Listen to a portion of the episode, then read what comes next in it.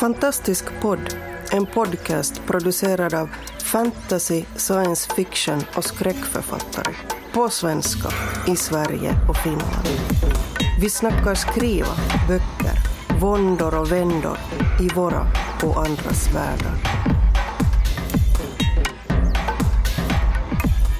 Hej och välkomna till ett nytt avsnitt av Fantastisk podd. Idag så är det Stockholmsgänget som kör igen och jag heter Oskar Källner. Med mig har jag Marcus Sköld, Anders Björkelid och Boel Berman. Men dessutom så har vi två stycken eminenta gäster och vi är väldigt glada att ha er här. Vi har nämligen Carl Jonsson och Johan Egerkrans på besök. Välkomna! Tackar. Tack så mycket. Tack. Bra. Uh, och jag sitter faktiskt här och håller, uh, i ena handen så håller jag ett exemplar av Nordiska gudar av Johan Egerkrans och i andra handen håller jag en uh, Vej av uh, Carl Jonsson och Sara Bergmark Elfgren. Uh, om jag får säga det själv så är det helt fantastiska verk ni båda två har åstadkommit. Helt otroligt vackra och fina på, här, på alla sätt. Tack så mycket ja, men, ja, men jag, jag menar det. Alltså, de är, jag är det hade helt, varit jättehemskt om ni bjöd in oss och bara ja, alltså, Jävla dåligt. Det är så dåligt. Det är kul att ha det här, men ärligt talat, era böcker, de är ju Vad är det? Men alltså, ja, jag kan inte säga något. Det finns ju en, del människor i Geek-Sverige som inte skulle dra sig för den. Hallå, nu ska vi inte börja med trasha. Vi nämner inga sådana. Kalle, du får istället berätta lite om ditt, ditt mästerverk här. Ja. Ja, ja, hej, hej. Eh, tack. Jag heter Carl Jonsson. Jag har ritat boken Vej, eh, bok 1. Det blir en eh, bok 2 som kommer så småningom också. Jag är serietecknare eh, och illustratör. Och eh, ja, har väl gjort serier i flera år och alltid velat göra någonting i, som utspelar sig i någon sorts, med någon sorts släktskap till den fornnordiska mytologin. Och så gjorde jag det till slut. Vad Ja, lätt du fick det att låta. Men Och sen gjorde jag det. Tack du har gjort. Ja jag, menar, jag, Alltså, jag du vet inte om jag ska säga mer nu. Jag har gjort den här boken tillsammans med Sara Bergmark Almgren. Hon har skrivit också varit väldigt inblandad i bildarbetet. Liksom. Vi, vi jobbar väldigt tätt och organiskt tillsammans. Och, och vi har hållit på med den i flera år. Den gick som följetong i tidningen Utopi magasin. Och sen drog vi ur den i tidningen, började om från början. Så, ja, precis Boel, det har inte varit någon enkel process. Nej, men är säkert liksom- helt magisk också, på sätt och vis. Ja, absolut. Det är ju en resa liksom. Och det, det är ballt. För det som, det som är grejen med en sån process är att man häpnar över att det blir någonting i slutändan. Att det, det, det hade liksom aldrig blivit vad det blev om det inte hade varit alla de här, de här stegen på vägen. Så att, ja, det fyller väl någonting. Eh, om, man, om man är nöjd med resultatet. Det är resan som är målet. Ja, men så är det ju faktiskt Johan. Och grejen är att även om man inte eh, säljer lika många böcker som du gör. Oj! Nej men alltså, så är det, alltså jag, jag tror även du som, är, som liksom ändå kan vara så framgångsrik på liksom att, att du, du har ju succétitlar. Så är det ju ändå så att man kan ju inte räkna med det. Det tror jag inte du heller gör med, med kommande projekt. Utan, utan man måste liksom alltid ha inställningen att resan är målet och att det är kul. Och liksom, Men absolut, på. och vi ska djupdyka i vad som är roligt med nordisk Jag, jag, jag vill bara men jag jag vill bara att... böcker och kränga. Det är det enda. Ah, ja, okej Johan, bra. Spela, spela diva. Johan, Men Nu får du presentera kan vi bara- dig. Stopp. Ja. Kan vi bara stanna där lite grann? Eh, Kalle, du, du eh, säljer det väl lite kort. Du har ju också gjort den här Asgård. Eh, Ja, absolut. den. Det stämmer. Sofie gjort heter hon. det var ju liksom ett jobb jag fick medan Bay pågick. Då, då- då fick vi Rabén och Sjögren, de, de, så, de hade väl sett Bay på olika håll och eh, tyckte liksom att jag var rätt kille att illustrera en sån bok för mellanstadieåldern som eh, var skriven av Sofie Hjort som är eh, museipedagog från början och barnboksförfattare. Och, det, ja, och då blev det liksom att de projekten gick in lite i varandra eftersom jag jobbade med dem para, parallellt. Så det var inte så att det ena kom, eller ja, liksom, De det ena gav det varandra. andra. Ja, precis. Eh, och det var ju skitbra också för att jag fick ju verkligen chansen att så här, uppdatera mig om myterna. För jag, läste, jag har inte läst Eddorna sedan jag var typ 20. Eh, och Sofie är jättekunnig och hon är också väldigt noga med detaljer och sånt där. Så att jag fick liksom repetera. Eh, ja, men det har jag också gjort. Och jag har gjort en andra böcker tidigare också. Och lite serier för Fantomen och ja, om man nu ska vad man jobbar med. Och lite film och tv-grejer och sådär. Som man gör. Ehm, Ja. Ja, förlåt att jag avbröt dig Boel. Ja, nej, jag tänkte bara, vi, vi ska ju låta liksom Kalle och, och Johan battla här, absolut, om nordisk mytologi. Eh, men, men Johan, du kanske vill ta äran och presentera dig lite och berätta lite om nordiska gudar? Ja, det kan jag. Eh, Johan Ekrantz heter jag. Eh, är också tecknare, illustratör. Eh, jobbade från början som typ med rollspel och konceptillustration för dataspel och sånt där. Och sen så ramlade jag in på att göra barnböcker. Och för några år så gjorde jag massa barnböcker åt andra. Och tillsammans med andra kompisar och sådär. Och sen så för eh, 2011 eller så sånt bestämde jag mig och min redaktör för att jag skulle göra något eget. Och då vill inte jag göra, jag vill inte göra fiction för jag tycker det gör så mycket. Jag är liksom inget att säga på det sättet. Jag, jag har mycket lättare att jobba med grejer som jag redan tycker om. Eh, liksom utgå ifrån eh, någonting som jag redan älskar. Eh, och då var myter och folktro någonting som kändes väldigt intressant. Så då gjorde vi Nordiska väsen som kom ut 2013. Men det var ju ändå, alltså förlåt, det är ju inte bara hardcore-fakta, det är ju ändå tolkning och friheter och illustrationer och... Det är en tolkning i det rent visuellt såklart. Men, men, eh, och sen är det ju alltid hur man presenterar det. Men, men allting, det är ju inget som är påhittat egentligen. Vare sig Nordiska väsen eller Nordiska gudar. För alla finns på båda riktigt. är- Nej. det är, det är, små gummor i skogen. Så det är folk, folk i förr i tiden har stått för säga. Men, men, men jag har bara försökt skildra vad man trodde på förr. Helt enkelt. Eh, eller ja, samma sak med mytologin. Att, eh, det- ja, men jag har försökt att inte försöka hitta på så mycket själv. Utan mö- möjligtvis presentera det på mitt sätt. För, du har ju en röst Johan, det, som, som kommer fram i båda böckerna. Ja, men det, jo, men, men och de- den har jag ju med pratat om. Alltså, även i texten. Det är ju ungefär samma, men jag, jag förhåller mig till det på ungefär samma sätt. Jag, jag betraktar det som fakta. Jag har gjort två dinosaurieböcker nu det senaste året. Och jag, det är ju, jag skriver ju om det på ungefär samma sätt när, när jag skriver om... Dinosaurier har ju funnits. det är ingen på dem. Men, men jag presenterar väl faktan på ungefär samma sätt som jag presenterar nordiska väsen eller gudarna. Jag är liksom ganska inspirerat av rollspelsmoduler, såna här, liksom så här monsterböcker och sånt. Där man, man har ganska torr, torrt humoristiskt förhållande till. Men det är ändå någon slags hittepå-fakta som presenteras. Eller då verklig fakta som, som är dinosaurier. Eh, Men, men, men jag, jag kom på att jag ville göra faktaböcker om, om grejer som intresserar mig. Och det, och det visade sig vara ganska, funka ganska bra. Det, det verkar passa mig och mitt sätt att skriva och mitt sätt att teckna. Och.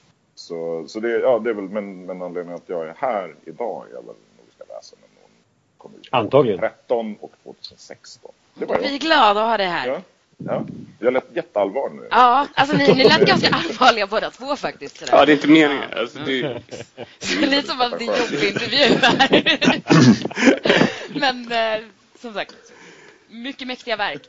Eh, ska vi andra dra någon lite kort vad vi har åstadkommit nordisk mytologi? Oskar? Olvins? Vill jag börja? Du måste börja Oskar. Ja, visst. Jag har ju min fantasy-serie som uh, legat i träden under några år. Men jag har bara släppt en del 1 och del 2 och trean uh, puttrar på. Eh, är fullbordad. den uh, är inte... Den kommer när den är jag, tänkte klar. faktiskt, jag tänkte faktiskt åtta delar först men det blir nog sex istället. Men... eh, och, eh, sånt Men berätta om projektet. Ja, förlåt, förlåt. Jo, vad jag ville göra med, då, med, med Drakhornet och Skogens hjärta som de här, var ju egentligen att eh, skriva fantasy, historisk svensk fantasy satt eh, 1809 och framåt. Men i, en, i ett Sverige där allt inom svensk folktro och allt inom svensk mytologi, eller svensk, fornnordisk my mytologi eh, var sant. Vilket då ju helt enkelt får Vilket överensstämmer med. Johans faktabok. Ja, precis. precis. Så, så, så jag är väldigt glad att den har dykt upp här nu. Då kan man kolla där om det stämmer. ja. Men en grej då som jag, som jag upplevde var att jag fick liksom ska sakta... Jag, jag fick börja lite mer, eh, vad ska vi kalla det för? Socialrealistiskt, ska man kanske kalla det för. Med eh, arbetarna på ett eh, bruk i Kilsbergen. Eh, där de bryter malm ute i skogen och sakta, inte så sakta egentligen, ganska snabbt låter den här mer magiska världen komma in och ta över. Och vad det gäller de... Eh, Troll! Ja, jo, typ sådana saker, ja. Precis, uh, nej, men uh, och sen då de mer fornordiska aspekterna uh, kommer, del, kommer mer in i bok två faktiskt och kommer ännu mer i de senare delarna som, som jag håller på att jobba på. Och, och där har vi det här, uh, jag gör ju ingen distinktion där då va, mellan folktron uh, som ju funnits i århundraden och uh, den fornnordiska myt- mytologin som inte gå tillbaka till vikingatiden utan eh, jag har använt egentligen hela paketet. Vilket är ganska naturligt eftersom det utspelar sig 1809 då. Så har man allting från, alltså det är allt som ligger före eh, egentligen. Hur gör ni andra på det här? Oj, vilken plötslig fråga det kom. Ja, men jag blir nyfiken. Ehm, Nej, men det, de går ju in i varandra, alltså folktron och, eh, och myterna går ju in i varandra. Det finns ju väldigt många myter, väldigt, väldigt mycket folktro som har sin, sitt avstamp i, i de fornnordiska myterna. Så du har ju Odens ritt till exempel, är ju en, Mm, ett, ett, ett motiv eller vad man ska säga, en sägner som berättas om att eh, man ser Oden då komma jagande troll. Helt enkelt. Man, man, de, de, de brukar vara att man ser först kommer en trollgumma springande typ med, med brösten hängande över axlarna. De har ofta så här långa bröst hängande. Pen, pendyla bröst. Hi, Eh, hi. hi. ja, men det, det, det, är ett, det är ett tecken hur man känner igen en trollpacka. Men i alla fall. Men hon kommer springande ut i skogen. Det är någon jägare som är ute i skogen och, och ser det här. Och så växlar de några ord och sen kubbar hon vidare. Och sen så kommer Oden och hans här ridande lite så här Ghost Riders in the Sky-aktigt. Och jagar efter henne. Och sen så försvinner de och sen lite senare så ser han Oden komma tillbaka och rider åt andra hållet. Och då har han den här trollpackan liksom över hästen. Lätt att man skulle vara mer rädd för Oden. Ja. Ja, nej men det var väl bara att man har sett Oden vara var ute och, och jaga troll. Ja, man tänker ju The Wild Hunt. Ja, Liksom. det, det är ju det är Precis. våran version av The Wild Hunt som är en myt då, som finns, eller en sägen som finns över hela, hela Europa. men- Det är ju också någonting där, där, där, där den nordiska myten liksom bara har blivit en rest som har applicerats precis. på någonting annat. För att, Ja, men de, den har, där Wild- har gjorts om till liksom någon slags Ja. väsen. Och det har ju samma grej då. Du har, eh, eh, man, man kallar ju gamla, när man hittar gamla paleolitiska spjut och sånt där. Alltså stenålders Åskviggar. Ja, exakt. Så kallas det torsviggar och de var ju magiska bra amuletter mot troll. De var, de rädda för troll.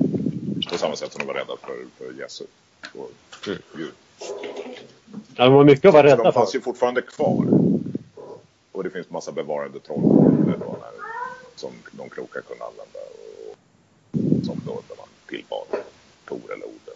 Fram, redan, eller så sent som på 1800-talet. Så finns Men Anders, du har ju skrivit en bit om det här. Jag vet vi har pratat eh, lite innan här just med distinktion eventuellt mellan mm. själva mytologin och eh, mellan folktro. Eh, Hur, hur tänker du Ja. på det? Ja, jag, jag, jag tycker ju, jag, jag håller ju helt med Johan, det du säger med att det här är ju, de, de går ju i varandra i väldigt mycket. Jag har ofta liksom när jag har blivit presenterade på sådana här liksom författarsammanhang eller jag, när jag var nere i Tyskland här senast, då var det liksom väldigt mycket tal om hur jag använder eh, de nordiska, den nordiska mytologin. Och för mig så, så tycker jag ju liksom att ska det vara mytologi vi pratar om så kan det inte bara vara Oden som rider ut i natten utan det måste det ju vara någon del av ja, på något sätt gudaväsenen och En hel någon- värld. Eller? Ja, eller i alla fall någon den, koppling den till mytiska världen eller någon av de artefakterna som de använder sig av. Precis. Eller, Eller i alla fall en del av berättelserna från det. Jag har ju helt använt mig av, av det som folk berättade i, i stugorna på 1800-talet. Det, det har jag ju helt... Det var en av de grundtankarna jag gjorde när jag skrev fantasy, att jag skulle skriva nordisk fantasy och att jag skulle försöka slänga ut så mycket anglosachsiskt arv som möjligt och att eh, jag, jag skulle ta en fantasyvärld där de här sägnerna kunde vara sanna utan att den var vår värld, motsatsen till Oscars idé egentligen. Mm. Inte ha det historiska utan tvärtom hitta på nya förklaringar till, till varför de här sägnerna skulle kunna finnas någon annanstans. Men jag tycker det är väldigt, det är väldigt spännande där att, att Men, folk men med grunden i folktro. i grunden i folklore, folk Ja, tror jag precis. helt och Ja. hållet. Men, men det där gör ju verkligen folk inte någon distinktion mellan, kanske av förklarliga skäl. Men em, för mig, för mig är det liksom lite större krafter att leka med, liksom Oden och Tor. Så fort jag blandar in dem så känner jag mig, jag har inte riktigt vågat gå den vägen än. De är lite för... Vad är det som Maffi- skrämmer? Det är, jag hade en diskussion med Tora Wall som tagit över efter, Ebbe Schön på Nordiska museet som folktro-expert. Hon är ju liksom nya troll, trolldrottningen eller vad man ska säga. eh, Ebbe Schön var ju han, han, han gubben som såg ut som jultomten som, som pratade om tomten på, på jul i alla SVT-program när man var liten. Nej, men vi hade en diskussion om det här och det, det, det finns en, en förklaringsmodell för var religion kommer ifrån är ju att det börjar som folktro, det vill säga det, det, det börjar ju med guden eller då den här skyddsanden, förfädersandar eller skyddsanden för en viss eh, bäck eller en viss eh, ett berg eller en sten eller vad det nu är. De, de här miljontals smågudarna som liksom finns i varje miljö men att man trodde att varje, varje individuell plats hade en, en ande, en genus Loki som det så vackert- heter, eller Lo, Loki, jag är inte så bra på eh, latin.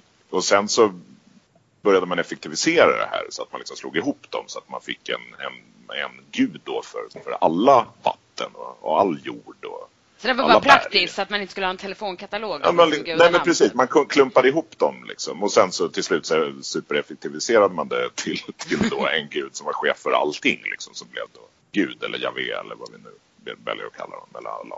Men samtidigt så har ju den här folktron alltid funnits kvar också. Så det, det finns ju en väldig styrka i den här grundreligionen då. Så det är väl så man tror att alla, ja, de flesta naturfolk och de, de som levde på stenåldern och trodde väl det var ju förfädersandar och såna här små, små gudar som folk. Och det är de som lever kvar då som Näcken eller Jag, jag, tänker så, jag tänker så här lite grann att um, det som kanske skrämmer mig med att använda de riktiga gudarna på något sätt är att de, till skillnad från folktroväsena så är de ju huvudpersoner på ett annat sätt. Oftast. De, de är några som är aktörer och eh, medan folktroväsena kan jag använda som en sorts eh, kuliss eller någonting man måste förhålla sig till. Jag undrar, det är ju lite grann samma sak som, som Karl, du och eh, Sara har gjort. Ja, och vi Att, hade att just... ni ställer er utanför gudarna och har en annan Ja, ja, men vi, vi, det, det satt lite långt inne för mig också att använda de nordiska gudarna som karaktärer. Utan det jag var ute efter, min ingång var väldigt eh, olik liksom er, det ni pratar om på ett sätt att, att jag, jag ville absolut göra något som kändes nordiskt. Men jag ville liksom inte att det skulle vara en igenkännbar, igenkännbar värld överhuvudtaget. Utan, utan det som fascinerade mig var idén om, om jättarnas rike. Lite så här Gullivers resor fantasy. Liksom, att komma till en plats där, där människor är så himla små. Jag var inspirerad av den här eh, franska animerade filmen The Fantastic Planet. Med, med såna stora blåa Den utomjordingar. är jättekonstig. Ja. Japp. Det, var, det var min analys. Tack. Jo, jo, men det, ja, ja, men det är så ljuvligt just här hur man använder, alltså jag har alltid gillat den tropen inom fantasy också, människor som husdjur. Eller Alien Zoo gillar jag också den tropen. Ja. Och sånt här. Eh, Liksom, helt enkelt när människan inte är på toppen av näringskedjan. Jag, jag tycker det är kittlande och, och, och det, det, det gör alltid, jag tror också alltid att det gör att man börjar heja lite mer på människor. We För are att- but pawns of the gods. Ja, men då blir man helt alltså att sätta hela mänskliga arten i en underdog-position ger ju liksom, ja men lite Oscar som du gjorde i, i Stockholms drottning. ja men liksom att, att det, det är alltid roligt. Ja. För då kan vi börja heja på människor igen. För att det, det är svårt att göra i, i världen som den är idag. Liksom. Men så att jag hade gudar med i mina första manusversioner till mig. Och sen sa Sara till mig då, eh, när hon fortfarande var mer som en manusredaktör och bollplank. För det dröjde lite innan hon kom in som författare. Liksom. Alltså hon bara, men varför använder du inte de här? Du har ju massa fantastiska karaktärer. De är ju redan färdiga. Eh, Och då var jag just så här, men jag vill liksom inte distrahera. Jag vill inte att de ska ta över. Och jag vill heller inte... För de gör ju lätt det. De är ju så fantastiska karaktärer. Det är det som Ja. är med dem. De är ju så, de är ju så mänskliga och så roliga. Så det är ju, Men jag vill de har också... så mycket karisma så det, de tar ju över en story lätt. Om man, om man, Men alltså min hybris yppar sig också på ett sätt att jag alltid vill så här, uppfinna någonting nytt. Att jag vill vara så här, nej, jag ska göra mina egna nordiska gudar. Typ, så här. De ska kännas lite som de gamla, men ni har aldrig sett dem förr. Så här. Um, men det är inte så jävla smart när man ska göra så här långa serier. För att serier är ett medium som kräver väldigt mycket ekonomi. Man vill ha så få sidor som möjligt för att det tar en evighet att rita serier. Och uh, det var väl det Sara tyckte, att du får så jävla mycket gratis. Plus att vi kan leka med dem. Och det har vi gjort på ett väldigt respekt, respektlöst sätt.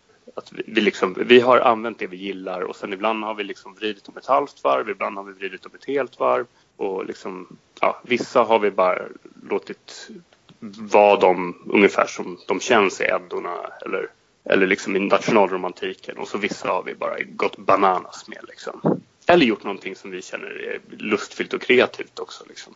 Så att de är lite all over the place och det, det tycker jag är roligt.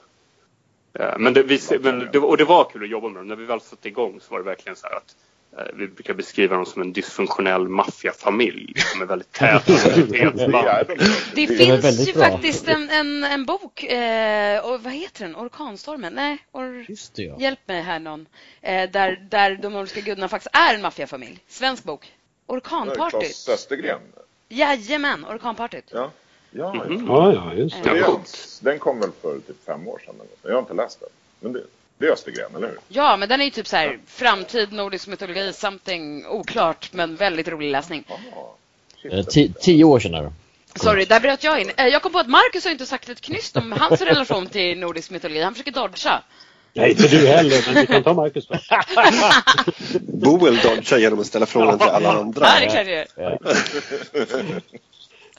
Nej, men jag, jag, kan känna igen mig i det som, eh, som eh, Anders pratar om där att, att eh, det är många som försöker tillskriva nordisk eh, mytologi, nordisk folktro överhuvudtaget i det mesta tror jag som, som överhuvudtaget rör sig i närheten av, av eh, svensk fantastik. Jag, eh, jag, jag skriver ju framförallt skräck egentligen. Och eh, i min bok Kalldrag som utspelar sig i Bergslagen med lite gruvmiljöer och sådana saker så är det flera recensenter som har, har eh, berömt den för att den blandar en klassisk spökhistoria med nordisk folktro. Det har inte varit min, min avsikt överhuvudtaget att, att ha någon... någon eh, det är ju det är smickrande såklart men, men eh, det var inte, inte den, det, det temat eller den, eh, det som jag hade liksom tänkt med den boken. Det är Hofors, eller hur? Ja, Läste precis. Jag arbetaren. Jag, jag har ju bott i Hofors i två år när jag pluggade. Jaha. Där ser man. Mm. Ja, just det. Såg du några väsen där? Var det otäckt? Det finns tydligen otäcka saker där, har jag hört. Mm. Ja, det, det, var verkligen så. I gruvan. jag har inte läst din bok, Marcus, men jag är väldigt nyfiken. Ja, men jag kan rekommendera den. men, det finns väl också men, men, men, det finns väl också de skräckförfattare som uh, leker in det. Alltså, jag har inte läst dem själv, men Madeleine Beck och hennes uh, Vattnet drar heter den första boken. Ja. Det är väl precis just det. Skräck med eh, folktro. Eh, och... Ja, hon, hon tar ju ett steg längre där i och med att hon har lite mer av, av eh, vad ska man säga, häxor och eh, lite magi och sådana saker. Eh, sen så är det väl eh, kanske inte några traditionella folktroväsen egentligen med hennes böcker. Lindqvist eh, drar in det, framförallt i sina noveller, men även Människohamn har han ju Spartus och sådär. Och det är lite havsfolk. Och han är i pappersväggar så finns det en historia som handlar om troll. Den är fantastisk. Ja, gränsvakt. Visst är det den? Ja, precis. Ja. Uh, och i den senaste så har han en som handlar om en tomte som är jävligt otrevlig. Ja, den är... Oh, fy fan för den ehm, tomten. Ja, ja det, är ingen, det är ingen trevlig tomte. Han är ju mer som en sexy, stable tomte fast han luktar svett. Han, luktar, han har jävligt dålig andedräkt. Ja, sjukt. Alltså, det liksom um... Ja, men han, han är ju mer någon slags stalldräng. Mm. ond stalldräng. Men, men det känns men han, ju verkligen... Han ganska mycket med det framförallt folktron. Då. Men jag tycker det är så roligt att Arvide blandar så hämningslöst. Det är liksom, alltså från novell till novell så är det nordisk liksom, folktro eller så är det ja, någonting ja, helt annat. klassiska vampyrer eller någonting. Ja. Eller bara, ja. Men alltså, det, det, känns ju verkligen som att, eh, alltså jag upplever att det varit ett stort uppsving under senare år med just svensk fantastik som är baserad på fornnordisk mytologi eller folktro. Alltså, har ni samma upplevelse? Eh, och om det då är så, vad, vad beror detta på? Vi skyller allt på Johan och Kalle. Jo, förstår ni. Det är så här. ska jag berätta för er. Nej, Nej men, men det har väl varit på gång ganska länge i och för sig. Det, men jag menar, den vanliga förklaringen i alla fall när folk pratat om det, det, det är väl att man börjar tröttna på vampyrer och varulvar. Och liksom framförallt den här Hollywood-versionen av det. Man börjar gå tillbaka. Det sker väl i hela världen tror jag att man går tillbaka till, men vänta nu, Det enda vi vet om vampyrer och varulvar är det vi har lärt oss genom filmer eller från ja, Dracula då. Ja, men varför blir det just nordisk mytologi? Alltså jag menar, det finns ju ganska Ja, många olika att mytologier i bor, världen. för att vi bor här. Ja, vi gräver där vi står. Vi, alltså, det, Och att folk börjar gräva där de står. Jo, menar- men varför skrev Neil Gaiman American Gods med liksom O- Odan? Fast i- han är ju i engelsman alltså. Det, det får man inte glömma heller. De är, de är otroligt de har en väldigt stark relation till, eh, till vikingar. Eh, Just för Ja, att var ju- England var... väg- liksom styrde över halva landet under Ja, ja, Alltså vi har infiltrerat deras liksom, gemensamma kollektiva medvetande med Oh, ord. det, ja. men Oh, ja. det, det är en del av deras tradition också. Men skottar, skottar ses ju som vikingar. Alltså, de är ju mer malliga över att ha liksom vikingablod än vad, Ja, ja, än vad ja, svennar är. absolut. Jag menar, de är ju anglosaxer, så jag menar, de blir ju invaderade av germaner. Men var har det den naturliga följden då, efter liksom Sagan om ringen? Att folk bara, vad är de riktiga myterna? Men det tror jag det kan hänga ihop med, absolut. Att, att det, liksom, det finns väl en sån känsla av att Tolkien var väldigt inspirerad av, av fornnordisk mytologi. Och, Ja, det var och, och, och då, då är det ju intressant att liksom, speciellt när man bor i Sverige så, och har växt upp med de här historierna som någon sorts, eh, nästan i skolan och sådär, så att ta tillvara på det. För, för det är väl så mycket man får under barndomen ger ju den där speciella stämningen. Liksom. Det, det är som en, en källa till inspiration som man alltid bär med sig. Myset, precis. Och det var verkligen anledningen till att jag eh, ville göra någonting som var fornnordiskt. Det var att jag ville hitta den där strängen i mig, det där myset och, och så liksom och göra det på mitt sätt såklart. För, inte för att springa i förväg, men det säger väldigt mycket om oss också, hur vi tolkar den nordiska mytologin. Men, men det är ju också så, men liksom modern fantasy, det vi ser som modern fantasy, som ju är väldigt baserad på Sagan om ringen. Och Sagan om ringen i sin tur är ju baserad på engelsk mytologi, eller engelsk folktro eh, och nordisk folktro och Kalevala.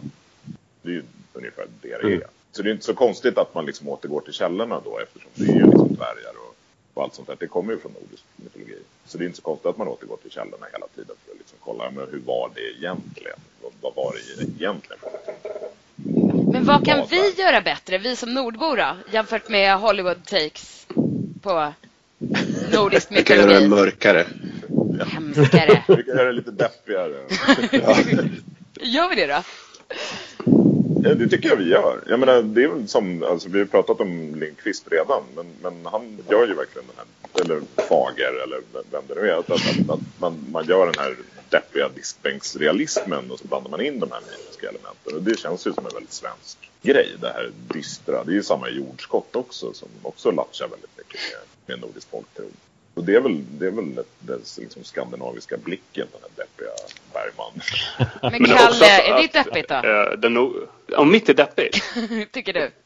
Eh, nej, det tycker jag inte. Jag tycker Bay är verkligen en så här färgglad matinéfilm. Men jag hoppas att vi vågar ta ut svängarna lite mer kanske än vad ett amerikanskt filmbolag vå- vågar göra eftersom de, de är så begränsade av, eh, av eh, att de måste tjäna pengar och, och catera till en väldigt stor publik. Liksom. Eh, plus att de, ja, det är ju det är filtrerat genom så många lager populärkultur också. Eh, alltså Thor-filmerna och sånt där. Så att, alltså det är Marvel, så det, det, liksom, det blir inte riktigt samma sak. Samtidigt så kan jag tycka att, att eh, de har på många sätt befriat den eh, nordiska mytologin, Marvel-filmerna. För de har liksom gjort det fritt fram igen eftersom de har ägnat sig åt någon sorts kulturell appropriering av sedan länge döda skäggiga farbröder. Nej men alltså, det finns ju så här, det finns ju typ fornsvedutövare i USA som har så här klagat på Thor-filmerna för att det skulle vara kulturell appropriering av skandinavisk kultur. det, Ja, det, det är inte så att vi sitter här och är upprörda direkt. Jo, alltså jag brusar upp. Vadå, så vi behövde USAs frikort för att göra vad vi ville? Ja men precis. våra för, att, gudar. eh, för att det var ju så ändå så att högerextremister hade mutat in det lite på 90-talet. Och det var ju, det var ju liksom jobbigt men jag var tonåring då så då brydde jag mig inte om eh, allvarliga saker. Utan jag fortsatte väl bara läsa min fantasy och, och odlade de här små fröna i mig liksom. Jag brydde mig inte om sånt. Eh, eller det gjorde jag ju, men inte på det planet att jag, att jag liksom tänkte... Jag kommer ihåg jag var på någon konstutställning i början av 2000-talet när jag liksom ändå hade börjat satsa lite så här, och, och, och stod och snackade om mina serier. Och så var det någon så här kulturig tjej som bara Vikingaserier? För då hade jag en idé då. Uh, hon bara, men det kanske är så ute så att det nästan blir inne ja, men 15 år senare. Pontus, ja. 15 år senare så fick du rätt.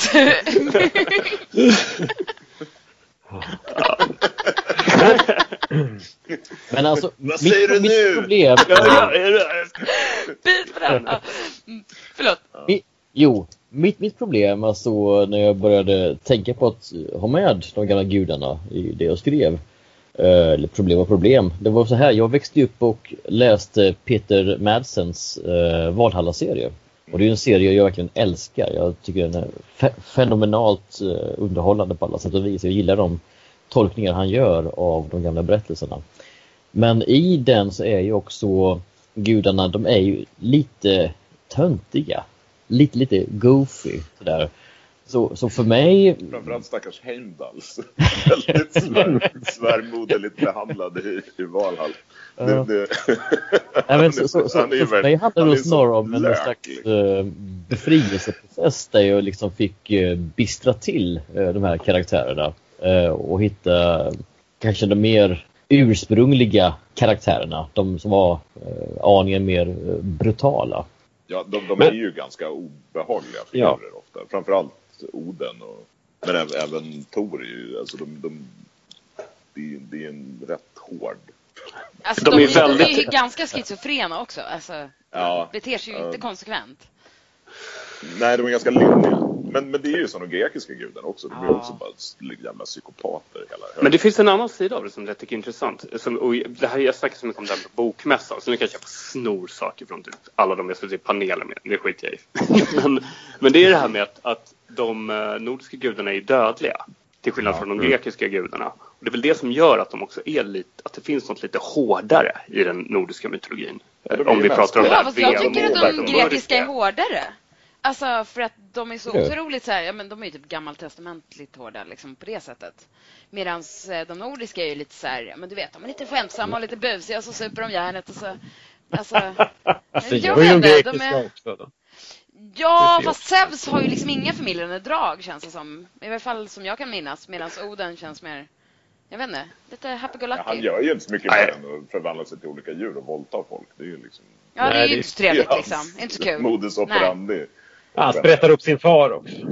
Och får Ja, det huvudet gör sprängt av sin Men- dotter, väl? Men Ja. i alla fall. Ja, just Ja, mm. Men han är inte så kul. Men, men han är också, men jag, jag tycker ändå att Oden är lite mer metal alltså. För att Zeus är evig.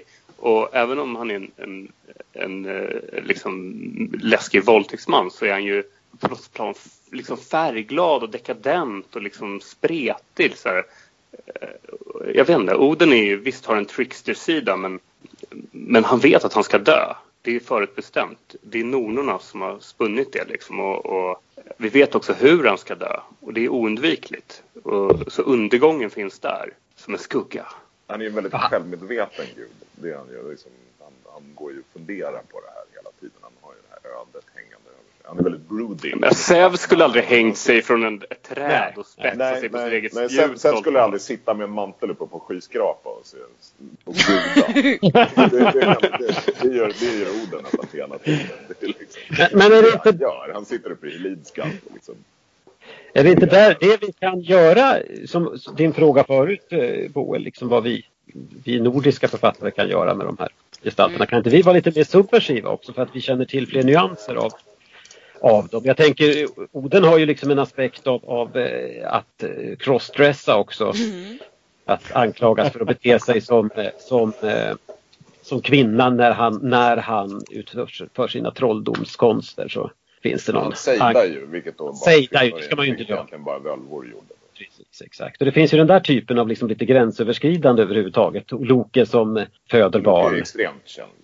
Precis. Och jag menar även, även Tor, även om det liksom är i tvång så klär han sig ut sig som Freja. Och det, finns, det finns väldigt mycket sådana aspekter som Hur är det inte med de rimmar. kvinnliga Som, gudarna också förresten? ja, de är ju liksom lite utsuddade så det är svårare att hitta samma detaljer kring Jag har dem. för mig att Johan följde med någon gång för att eh, Freja liksom var mycket mer hardcore än vad de Ja, kristna oh, har ja. förvandlat henne till. Ja, ja, Ja. Freja är ju hon, hon är ju häxdrottning. Oden fast kvinna.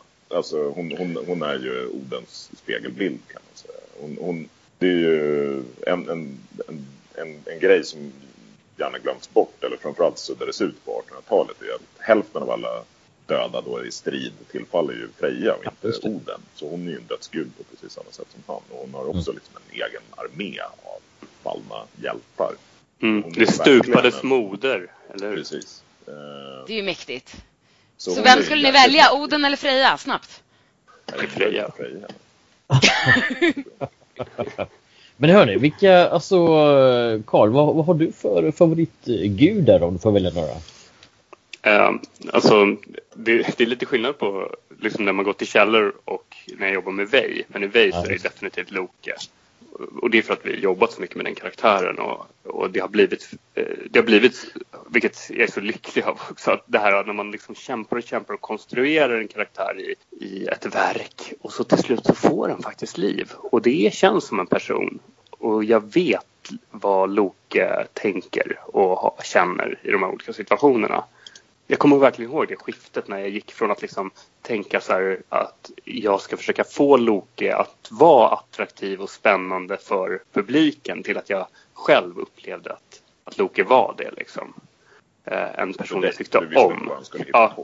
Nej. Nej men, ja, men också så att jag, att jag gillar Loke. Alltså jag hejar på Loke i, i storyn. Så det är favon, absolut. Och vi har gjort Loke till en helt um, Gender-fluid, liksom. Alltså en, en, en, vad ska man säga, en könlös liksom, varelse, en gud som byter skepnad efter humör.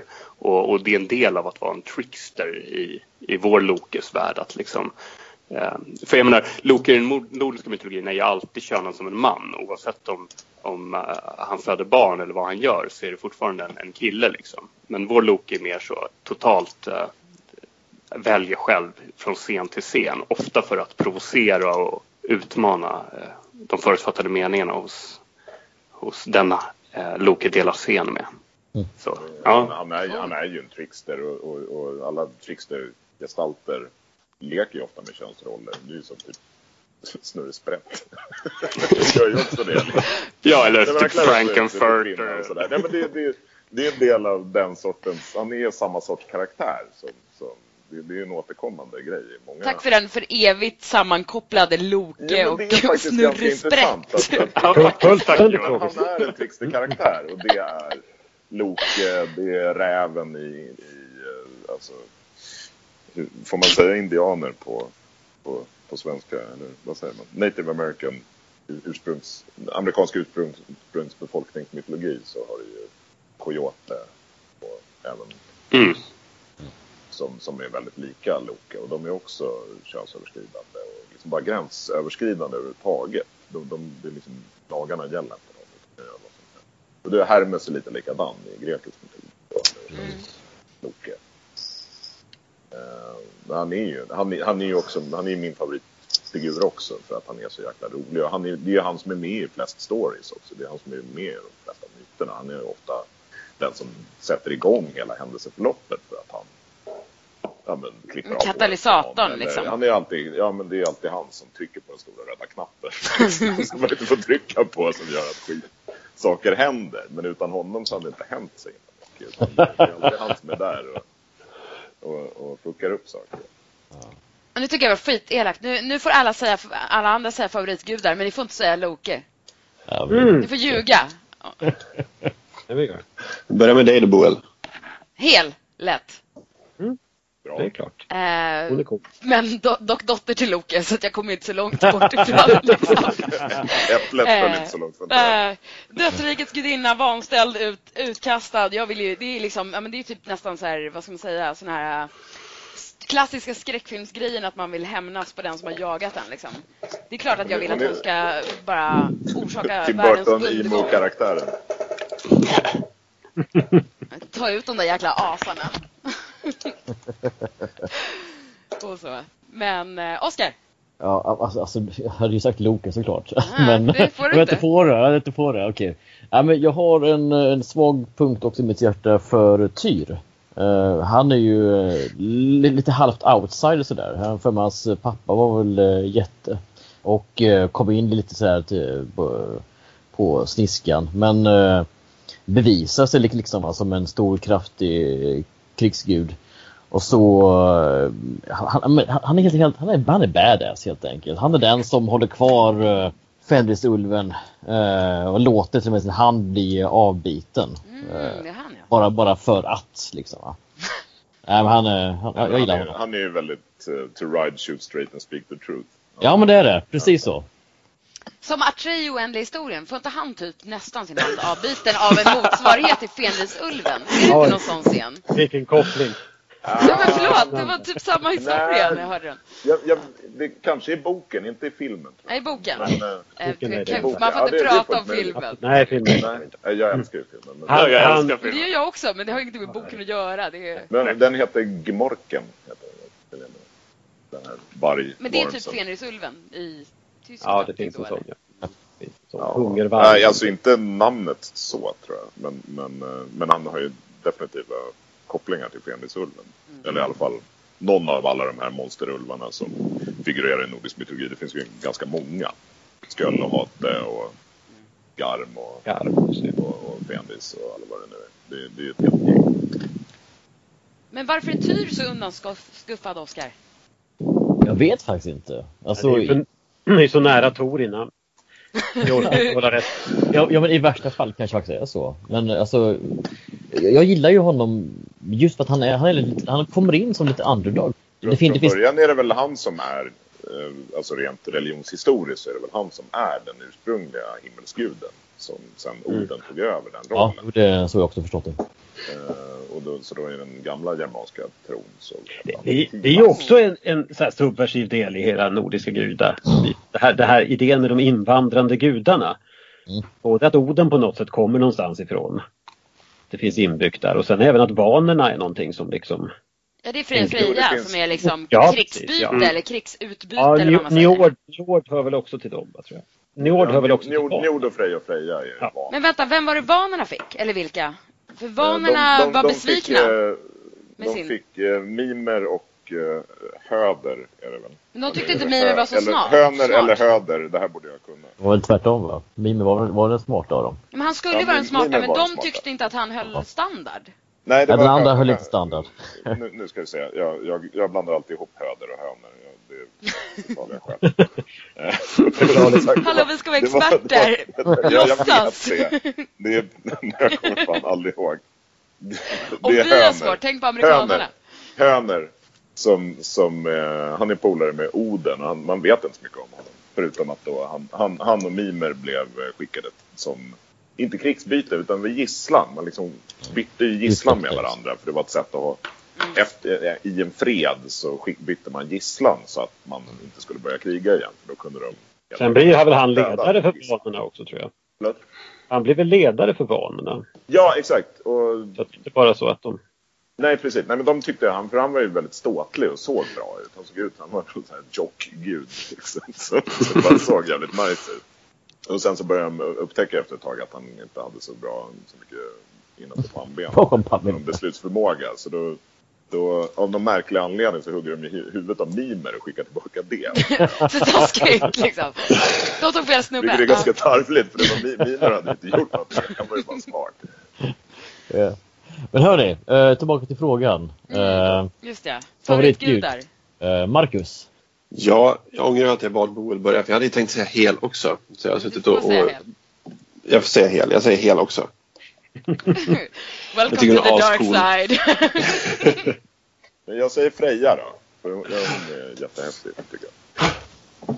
Så, då har jag sagt det. Ingen motivering eller något. Typ att hon rider Nej, vi älskare pratar- ut i vi- striden. Vi pratade ju om henne förut. Nej men att hon verkligen är en eh, extremt mycket mäktigare gudinna än det man tror. Det menar om vi pratar om, om eh, Peter Madsens Valhall-serier som jag ju också älskar. Verkligen. Men, men eh, jag kan ju tycka att hans tolkning av Freja är lite för... Men är hon våp där eller det är bara Ja, är, kärleksgudinna-grejen? nej, det är hon ju inte heller. Hon, hon har ju en egen vilja och sådär. Men, men hon är ändå väldigt mycket den här blonda, yppiga, eh, liksom Afrodite-karaktären. Och, och när jag började researcha till boken så upptäckte jag att, att Freja var en mycket mer mångfacetterad, mycket mörkare karaktär. Jag, jag, jag har försökt min bild av henne nu är mycket mer som en Morgana Le Fay Jo, vi tog ju upp trollkonsterna här också. Det, det är väl så att, att Seida, det, det, Det är, ja, det är hon, det är hon som lär. Oden att sejda. Och Det är Ja. hennes, hon som lär Oden magi. Och hon, hon är ju häxgudinnan verkligen. På, på ett ganska mörkt sätt. Och hon är en dödsgudinna. Och hon, hon är väldigt mycket mer än... Och hon är ju inte egentligen direkt kärleksgudinna utan hon är en sexgudinna. Och det är liksom den kötsliga delen av ekvationen. Det är ju mer Frigg som står för kärlek och äktenskaps... ekvation, Eller delen av, av, av Det stadgade. av, av kärleken så att säga. Medan, medan Freja är mycket mer den, den, den kötsliga kärleken. Så hon, hon är ju väldigt, väldigt sammankopplad med naturen och, och ja, men hon, hon, hon är en häxgudinna på väldigt många sätt. Så, och det, det är ju väldigt mycket coolare än liksom en blond, bystig tjej. Han är mer samhällsomstörtande egentligen. Som, all, som alla vill ligga med. Det är liksom inte, det, hon, är, hon är väldigt mycket mer än det. Anders, du då? Ja, om jag går utanför gudarna nu då.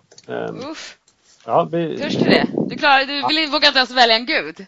Jo, men alltså på sätt och vis. Men jag, Mm. jag är väldigt förtjust i Ratatosk. Lite överraskande. Den lilla gnagaren.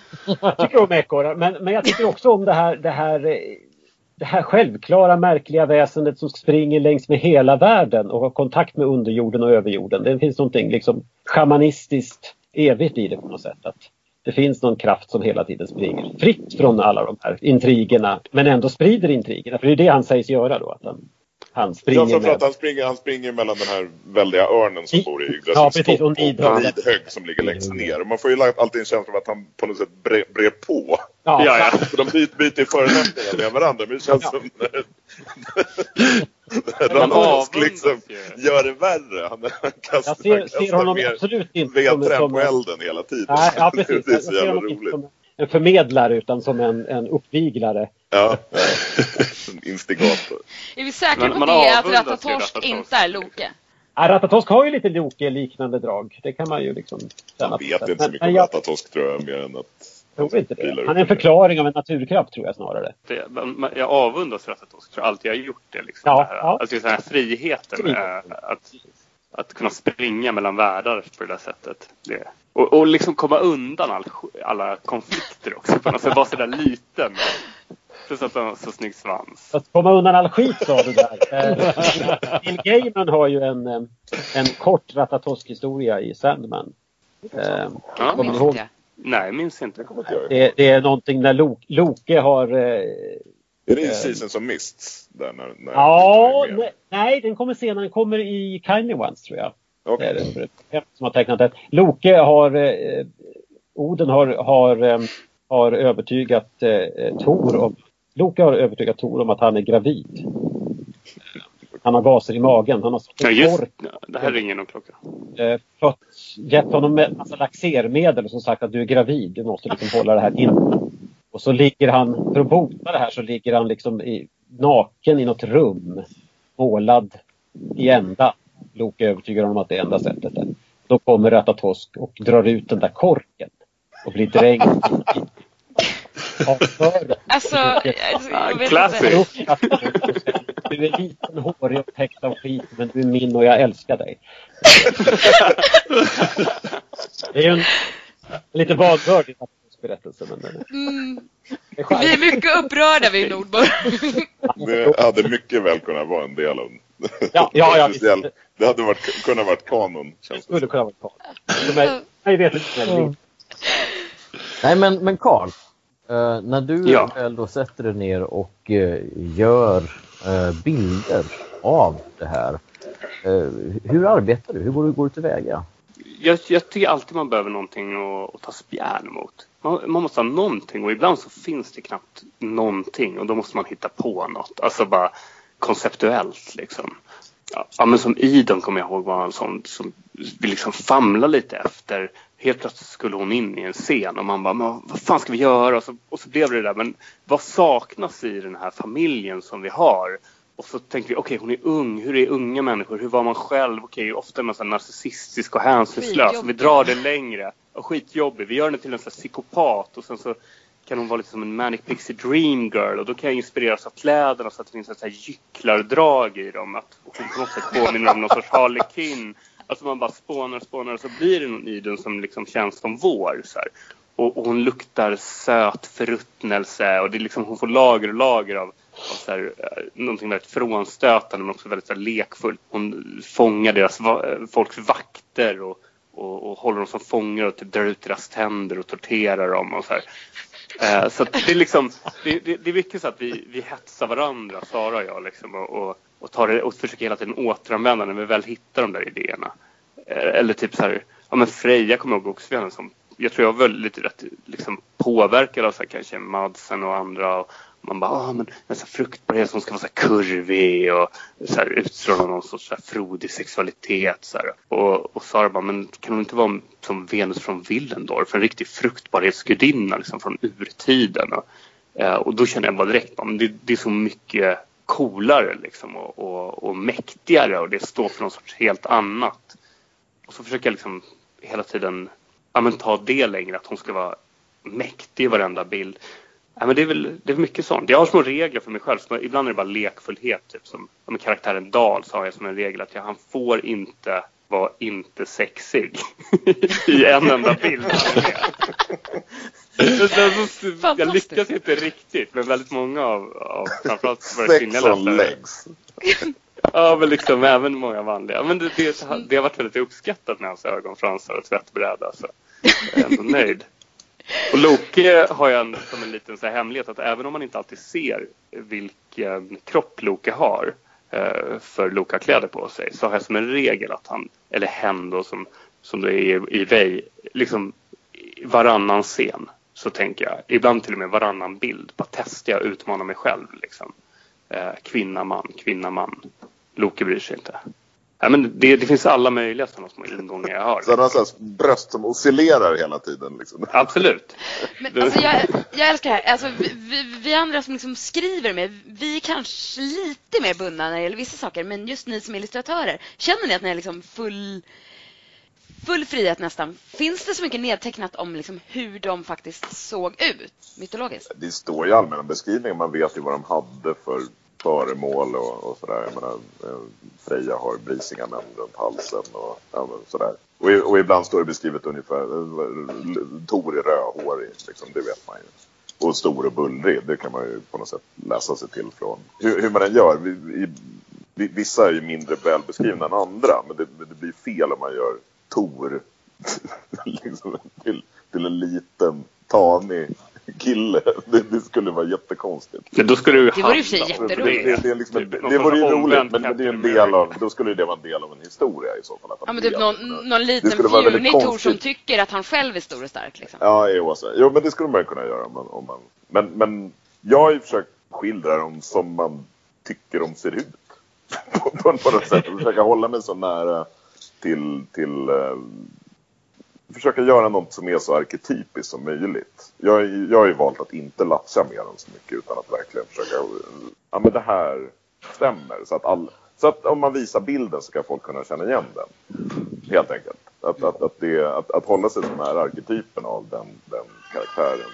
Och Johan. Sen är det mer, sen är det mer, du tänker ja. att det finns väl i, i de här de mer kända gudarna då, då har väl alla en, någon, någon, form av bild av hur, hur de ser ut. Men eh, de här lite min, mindre kända gudarna där man inte riktigt är lika, ja, det dyker inte automatiskt upp någon, någon, bild i huvudet så att säga. Hur har ni tänkt där?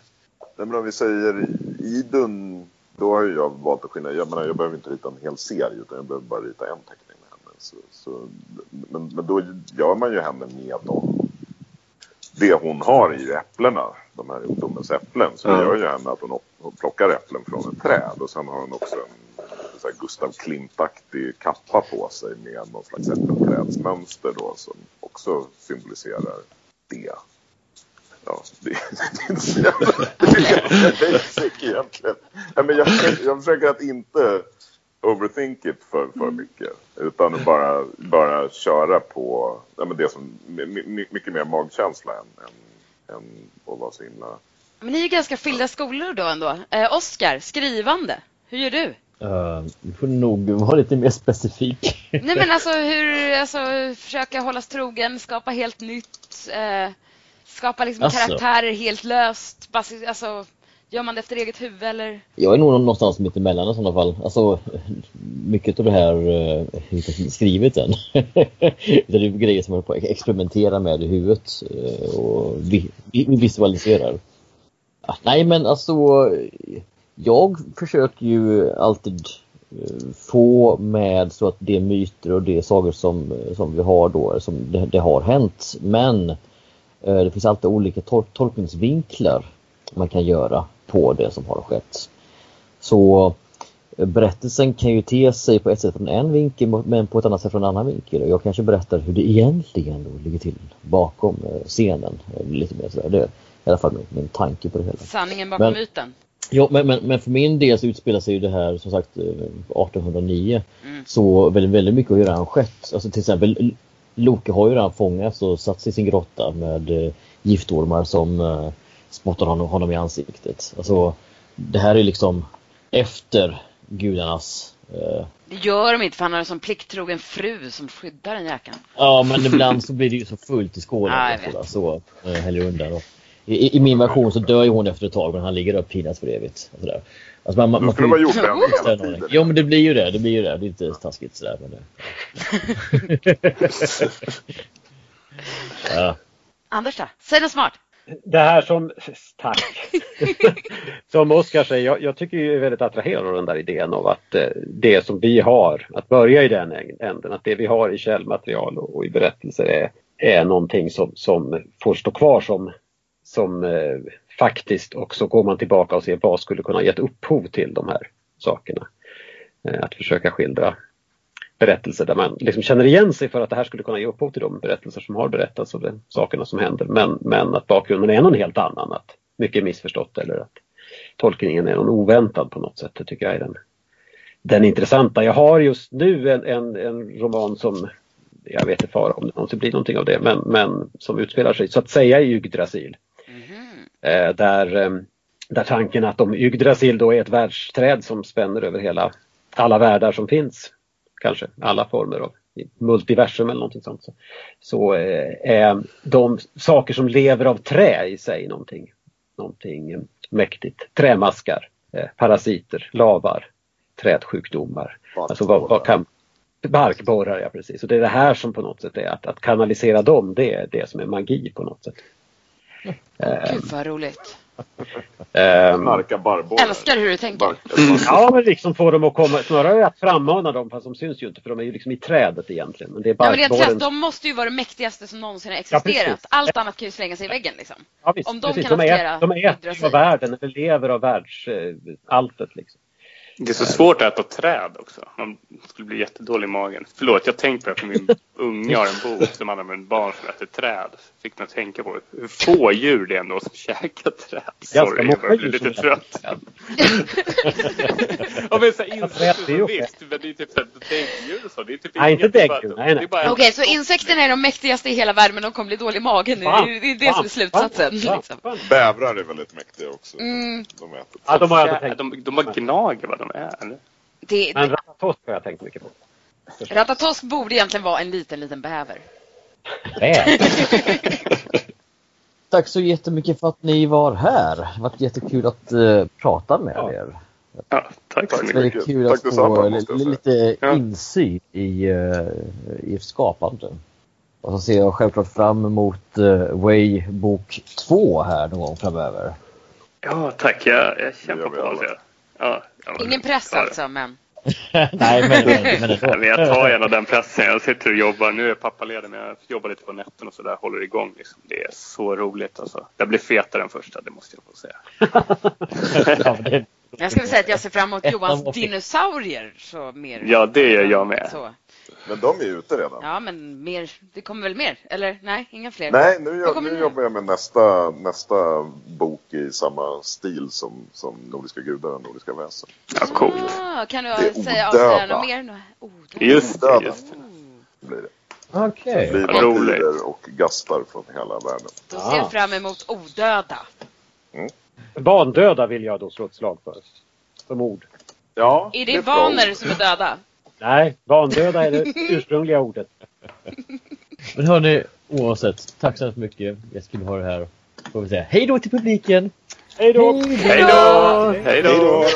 Du har lyssnat på Fantastisk podd. Om du trivdes i vårt fantastiska poddsällskap och vill ha mer så hittar du äldre poddar och information om oss som deltar på vår hemsida under fantastiskpodd.se och på vår Facebook-sida Fantastisk podd. Har du frågor eller förslag på vad du tycker att vi ska tala om, hör gärna av dig antingen på Facebook eller via kommentarer på hemsidan. Vi hörs!